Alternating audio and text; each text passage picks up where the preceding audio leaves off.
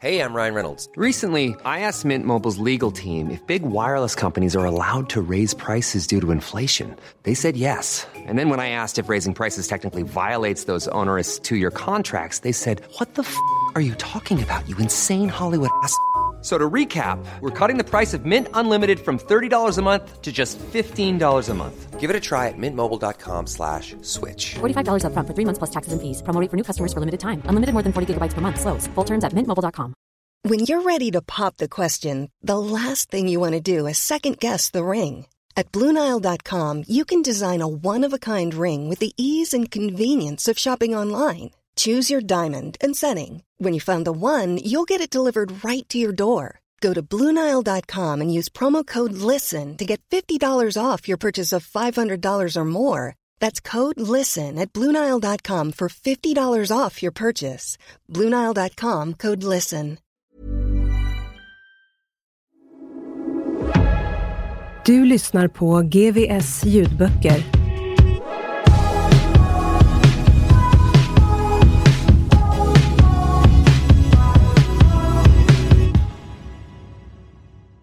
De kallar mig Solvallamördaren av Janne Ranninen och Ivar Andersen.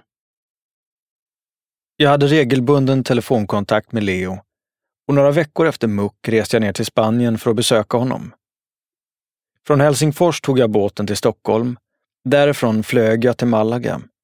Från Malaga vidare till Madrid med tåg och sen inrikesflyg sista sträckan till Barcelona. Det var en nödvändig försiktighetsåtgärd. Leo var lyst för Arlandarånet och jag reste under eget namn. Jag såg fram emot att träffa honom igen. Leo hade sitt straffregister och hade aldrig kunnat besöka mig när jag satt inne, så jag hade bara träffat honom på permisar. Och sen Arlandarånet inte alls. Det skulle bli ett kärt återseende. Samtidigt anade jag vad våra samtal skulle komma att handla om. Leo mötte mig på flygplatsen och för ett ögonblick var det som att gidret och sveken som omgav oss inte existerade. Vi omfamnade varandra och skrattade. Sen drog vi till lägenheten där han och Karo bodde. Vi bytte kläder och gjorde oss redo för att dra ut och festa. Det skulle bli tid att prata allvar också, men först hade vi förlorad tid att ta igen. Restaurangen var fantastisk. Hela stället osade spansk lyx, fina viner och kvalitetskött. Det här var så långt ifrån havregrynsgröten på kåken som man bara kunde komma. Tidigare på dagen hade Walter anslutit och räckt över 10 000 kronor i muckpresent. Det kändes bra att vara omgiven av vänner igen. Efter att ha käkat gott och druckit några drinkar rörde vi oss vidare till nattklubben Pasha. Stället var bland det fetaste jag sett. Tre olika dansgolv med olika musikstilar och go-go-tjejer som dansade i burar. Jag och Leo beställde champagne och laddade på toaletterna. Vi hade fett kul och festade som på mina vildaste permisar i Stockholm. Det var en favorit i repris, med varmare väder och mer avslappnad stämning. Carro drog hem tidigare, men jag och Leo stannade kvar till sent. När det väl var dags även för oss var vi både dyngraka och laddade. Leo körde sin svarta Mercedes AMG C63 en fet jävla bil. 0 till 100 på fyra sekunder och nästan 500 hästkrafter under huven. Han hade haft den i Sverige också och inte kunnat skiljas från den. Så när han blivit tvungen att lämna landet såg han till att få med sig bilen till Spanien. Leo körde i 240, stupfull och halvblind. Plötsligt skrek han. La Guardia! Vi lämnade bilen längs vägkanten letade upp en ny klubb och fortsatte festa tills snuten försvunnit. Nästa dag satte vi oss ner för att prata. Det handlade om Volkan. Om situationen han försatt oss alla i när han bestämt sig för att stjäla från en broder. Leo berättade att han ville klippa honom. Hur känner du inför det? frågade han. Jag visste redan att det var här diskussionen skulle hamna. Jag visste också vad det innebar att döda. Det var ingen lek. Och den här gången pratade vi inte om någon främling från ett konkurrerande gäng. Den här gången pratade vi om någon som var, eller i alla fall hade varit, en av oss. Eftersom jag förstått att frågan skulle komma hade jag hunnit tänka på mitt svar. Jag nickade till Leo. Jag var med. Leo frågade om jag var beredd att hjälpa till. Inte att du ska ta hand om själva klippningen, bara hjälpa mig att komma åt honom. Jag har kontinuerlig kontakt med Volkan, svarade jag. Jag tror att jag har möjlighet att få honom både till Sverige och Finland. Vår första tanke var att locka Volkan till Sverige, men det alternativet övergav vi ganska snabbt. Det skulle vara svårt att få dit honom och om han skulle komma så skulle han vidta försiktighetsåtgärder. Han var inte dum. Finland var ett bättre alternativ. Jag skulle bjuda dit honom och Leo skulle komma över och genomföra klippningen. Han ville göra det själv. Det var personligt. Men det fanns ett problem. Jag tar honom själv, sa Leo. Men jag vill inte behöva hantera kroppen efteråt.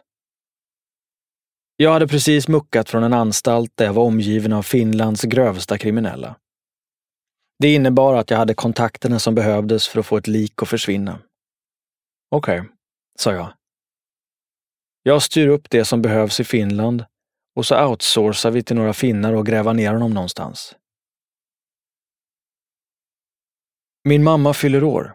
Jag har flugit över henne hit till Spanien, sa Walter när vi träffades igen. Kul, svarade jag. Ikväll ska vi alla fira henne på restaurangen nere vid havet. Du är självklart också välkommen. Tack, det är en ära.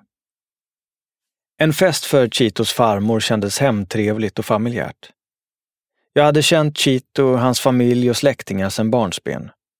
Chitos kusin Gustavo och jag hade gått i samma klass sedan tvåan.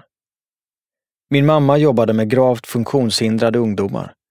Deras stödboende låg på bottenvåningen i ett av Jordbros otaliga höghus. Chito bodde också i samma hus, så ibland när jag hälsade på mamma på jobbet träffade jag honom eller någon från familjen i trapphuset. Nu skulle den familj jag känt i nästan hela mitt liv fira i Barcelona. Walter hade abonnerat hela restaurangen och vårt sällskap var på säkert 30 personer. Vi köpte blommor och presenter och vid tiotiden gick vi ner till restaurangen. Sommarkvällen var varm och restaurangen låg ett stenkast från havet. Det var en underbar känsla. Vilken sammanhållning. Sydamerikanerna hade verkligen starka familjeband. Det enda tråkiga var att Chito och hans familj inte kunde närvara. Men det kändes varmt att vara omgiven av fyra generationer av hans släkt. Det var det här broderskap gick ut på. Inte kriminella handlingar, inte inbördes jidder. Allt bus vi hade gjort i våra liv hade svetsat oss samman. Men det här var en sammanhållning som sträckte sig tillbaka till tiderna när vi fortfarande var oskyldiga barn och framtiden var ett oskrivet blad. Och som sträckte sig över generationsgränserna. Den äldsta generationen på festen var på ålderns höst. Två generationer, Walters och Chitos, körde fortfarande stenhårt inom kriminaliteten. Och den fjärde generationen, Chitos barn, som vi skulle skydda till varje pris, var fortfarande i blöjåldern. Jag tittade mig omkring och såg högt uppsatta gangsters från hela världen. Men just då var det inte kriminaliteten som förenade oss. Allt jag såg var en grupp vänner som samlats för att fira en bedårande dams födelsedag. Vi firade, spenderade tid med familjerna, njöt av livet och gemenskapen. Efter festen, eller till och med under den, skulle det bli dags att lämna kvar mobilerna och ta en promenad för att planera narkotikaaffärer, rån eller mord. Vi kunde ju vara avlyssnade. Kontrasten kunde inte bli större. Jag stannade i Spanien i en vecka. Under tiden pratade vi inte mer om Volkan. Det som behövde sägas hade redan sagts. Jag bodde hemma hos Leo och Carro. Kåkrutinerna satt fortfarande kvar i kroppen och jag gick upp tidigt på morgnarna. Medan de andra fortfarande sov brukade jag promenera med Leos hund på stranden. Jag njöt av att få smaka på friheten efter alla åren på anstalt. När jag käkade frukost kände jag den salta doften från Medelhavet. När jag kollade upp sken solen. När jag gick i affärerna på stranden reagerade jag på alla färger. Godisförpackningarna var som färgexplosioner. När man suttit fem år var det en stor omställning att plötsligt befinna sig i denna bonbonvärld. Jag gillade det. Jag brukade sätta mig på strandpromenaden beställa en kanna sangria och kolla på folket som strövade förbi. Det var varmt och skönt och jag hade lite pengar på fickan. Det var livet. Jag försökte inte tänka på det som skulle komma, utan istället leva i stunden. Men tankarna trängde sig på. Jag hade muckat till en skitsituation och nu skulle jag lösa den. Genom att hjälpa till att döda en person som jag länge betraktat som min bror. Det hade inte varit ett lätt beslut att fatta. I den ena vågskålen låg all vår gemensamma historia. Men i den andra låg tre skäl som tillsammans vägde tyngre. För det första, jag skulle bli av med honom. För det andra, det var det rätta att göra. För det tredje, det skulle bli mitt avslut i den kriminella världen. En sista brottslig handling innan jag lämnade det här livet och dess ständiga konflikter bakom mig.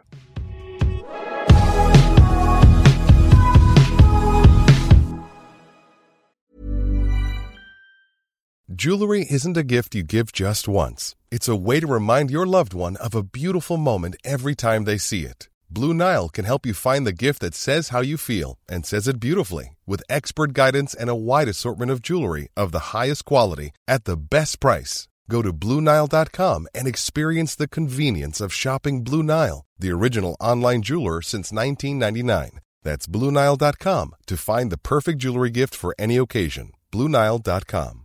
Planning for your next trip? Elevate your travel style with Quince. Quince has all the jet setting essentials you'll want for your next getaway, like European linen, premium luggage options, buttery soft Italian leather bags, and so much more. And is all priced at 50 to 80% less than similar brands. Plus, Quince only works with factories that use safe and ethical manufacturing practices.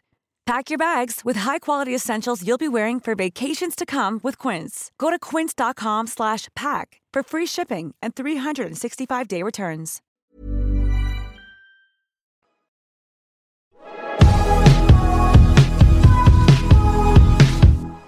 Jag återvände till Helsingfors. Det var dags att börja planera. Medan jag funderade över hur jag skulle få dit Volkan satt Leo i Spanien och grubblade på hur han skulle ta sig till Finland under radarn. Chito var aldrig inblandad. Varken jag eller Leo såg någon anledning att inviga honom i planerna. Jag tänkte på hur Volkan hade betett sig mot mig. Han hade inte lovat vad han hållit under voltan. Medan jag satt för klippningen på Joxo så var grabbarna på topp, hängde på Stureplan och körde Ferraris. Jag som hade tagit smällen för oss alla hade svårt att få hjälp med två lax per månad. Men där ute var det inga problem att bränna det på en lunch. Alla hade kunnat göra bättre ifrån sig. Men främst var det Volkans fel. När det var dags att skicka pengar till mig samlade han ihop tio lax från gänget och sen skickade han två, tre till mig. Det var Volkans stil. Alltid. När vi hade varit på kusinens bröllop tog han upp kollekt av oss som var med för att ge till brudparet. Sen stoppade han hälften i egen ficka. Det var samma sak med pizzeria Leila. Efter att Volkan hade tagit över krogen köpte Chito in sig på den sista andelen. Den som Volkan inte pressat sig till. Överenskommelsen var att de skulle dela lika.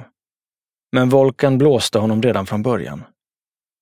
Han och krögaren som vänt sig mot sina tidigare partners gjorde upp i hemlighet. Om det kom in 400 000 en månad skulle han lägga undan 50 000. De pengarna såg Chito aldrig röken av. Krögaren ville väl inte blåsa Chito, men vågade aldrig sätta sig upp mot Volkan. Det här var standard för Volkan. Ingenting var någonsin nog. Han ville alltid ha det nyaste, alltid flasha. Alla hade vi alltid velat ha kvalitet, men han ville att prislappen skulle hänga kvar. Medan han fortfarande bodde kvar hemma hos sin mamma i Jordbro gick han och leasade en Ferrari 355 Spider. Det som syntes utåt var allt. Kanske grundade sig allt det här i dåligt självförtroende. I att han var rädd att inte räcka till och därför ständigt var tvungen att få bekräftelse. När man var ensam med Volkan var han supersnäll. Men så fort någon annan var med skulle han alltid hävda sig och trycka ner en. Det ryktades om att han misshandlade varenda brud han hade. Ibland på gränsen till tortyr. Sin tjej Lena höll han fången i Turkiet tills hon lyckades rymma och ta sig till svenska ambassaden. Jag borde inte ha blivit förvånad när han vände sig mot oss. Det var den logiska förändringen av hans beteende och av att ingen hade satt ner foten. Jag hade sett min mamma bli misshandlad. Jag borde ha konfronterat honom när jag hörde att han spöade sina tjejer. Samma sak var det när han pressade oskyldiga på pengar. Eller när han hotade knegare med automatvapen för att ta över pizzerian. Det var inte rätt och vi borde ha skurit av kontakten redan där. Men vi sa aldrig ifrån. Vi åt av de där pengarna. Vi laddade för de där pengarna. Vi backade upp honom när han gjorde fel och sen slog det tillbaka mot oss. Vi fick skylla oss själva. Så allt var inte Volkans fel. Det var lika mycket vårt fel som godkände allt i tysthet. Men nu var vi här och en gräns hade passerats. Vi hade krigat mot snuten hela våra liv. Vi hade alltid sagt att man inte pratade med grisarna. Och så hade en av mina närmaste bröder gått och gjort det. Man gjorde inte så. Vi skulle utkräva vår personliga hämnd och vi skulle visa att man inte snor från sina vänner. Volkan tjatade om att vi skulle klippa Leo Chito, vilket betydde att han ville att jag skulle göra det. Killen ville göra en favorit i repris. Klippa någon för ingenting och låta mig ta smällen. Fuck you. Jag klipper dig istället, tänkte jag. Men när vi pratade i telefon spelade jag med. Det är lugnt. Kom till Finland så styr vi upp allting. Först möttes vi upp i Sverige, på Silja-terminalen. Tydligen litade Volkan fortfarande inte helt på mig, för han skickade någon bondgrabb från Turkiet för att kolla att allt var lugnt, innan han själv vågade komma. Tjena bror, sa jag när jag såg Volkan och kramade honom. Tjena bror, svarade han lite nervöst. Det kändes skumt att se honom. Där stod vi i Värtahamnen en mörk septemberkväll. Hösten hade krupit sig på. Jag hade önskat att allt var annorlunda. Vårt möte och hela situationen. Jag hade velat komma över från Finland och bli mött av grabbarna. Tillsammans skulle vi ha åkt till min lägenhet i Stockholm. Det skulle inte ha varit något jidder. Vårt krig med juggarna skulle vara över. Inga fiender mer. Bara broderskap och lycka över att vi hade klarat oss helskinnade genom allt. Lycka över att vi mot alla odds hade överlevt och stod starka efter att ha blivit indragna i Sveriges största gangsterkrig. Men nej. Här tog jag emot en broder som var ovetande om att han skulle ut på sin sista resa. Jag har bokat biljetter åt oss. Jag bokade din biljett under falskt namn, sa jag. Bra. Du tog sviten, va? frågade Volkan. Det var fortfarande lika viktigt att leva i lyx. Ingenting hade förändrats. Han hade snott pengar, blivit blåst på pengarna, blivit av med allt han ägde. Men det materiella var fortfarande det första han tänkte på. Jag bokade som du ville, sa jag. Vi klev in på Silja Symphony och gick raka vägen till vår Commodore-hytt med balkong. På bordet stod en flaska mousserande som rederiet bjöd på. Efter att vi bytt om till kostym var det dags att gå och äta. Eh, vänta en sekund, sa Volkan. Vad händer? frågade jag. Jag måste ringa. Volkan hade ingen mobiltelefon. Han ville väl undvika avlyssning. Vi gick till infodisken och köpte telefonkort till honom. Jag måste ringa Anna och Kenan för att säga att allt är bra. De var oroliga när de hörde att jag skulle över till Finland med dig. Volkan gick iväg och ringde. Själv väntade jag en bit bort och kände olusten komma krypande. Anna hade jag bara träffat en gång och visste att Volkan inte brydde sig om henne. Men när Kenans namn nämndes fick jag ångest. Stackars Kenan. Lillebrorsan som aldrig hade gjort en fluga för när. Killen som skött skolan ordentligt och hade velat börja jobba direkt efter gymnasiet. Som aldrig begått några brott. När Kenan skulle välja bil efter att han tagit sitt körkort så valde han en vanlig Volvo. Ingen flashig Merca, ingen överdriven Ferrari. Han ville leva ett Svenssonliv och nu var jag på väg att orsaka honom en tragedi. Det gjorde ont i mig. Men än en gång stängde jag av känslorna. Så, nu är samtalen avklarade. Nu går vi och äter, sa Volkan. Vi gick till färjans finaste restaurang och beställde in förrätt, huvudrätt och efterrätt. Volkan tog in en flaska Chablis. Han tyckte om det vinet. Kul att äntligen se dig, sa Volkan. Detsamma, sa jag. Har du hört något från eh, Leo och Chito? Leo är nere i Spanien och Chito har jag inte hört något från på ett tag. Vi måste lösa det här. De snodde allt. Hela mitt hem tömde de. De tog millen från mitt bankfack också. Min familj var tvungen att flytta för Leos skull. Det är lugnt. Vi tar det senare. Låt oss inte fastna i det där nu. Låt oss äta gott, gå på diskot och ha kul, sa jag. Skål för det. Skål! Tror du att vi kommer hitta några kåta finskor idag? Får man inte något på Finlandsbåten så får man ingenstans. Vi skrattade. Efter middagen fortsatte vi till taxfree-butiken. Volkan ville köpa presenter till min flickvän och hennes son. Han var alltid givmild när det kom till presenter. Med andras pengar förstås. Men givmild i alla fall. Han köpte en exklusiv parfym till min flickvän och det dyraste barnplagg han kunde hitta. Jag log och tackade och sa att familjen skulle bli glad. För ett ögonblick kände jag igen den värmen som en gång hade funnits i vårt broderskap. Den tillgivenheten där vi respekterade varandras familjer. De här små gesterna som uttryckte att din familj är min familj. Det var precis den känslan jag behövde nu för att klara av den här resan med Volkan. Vi skulle ju vara tätt in på varandra. Trots att han hade begått grova och oförlåtliga fel så klarade jag inte av att kyla ner mitt hjärta helt och hållet och bara spela ett spel. Jag behövde även känna, om så bara ett uns, av det broderskap som vi en gång haft. Jag behövde fly in i den känslan för att inte fastna i tankarna på att jag var på väg att lura in min vän i en dödsfälla. Vi gick till stora baren och Volkan fick syn på en flaska Johnny Walker Blue Label.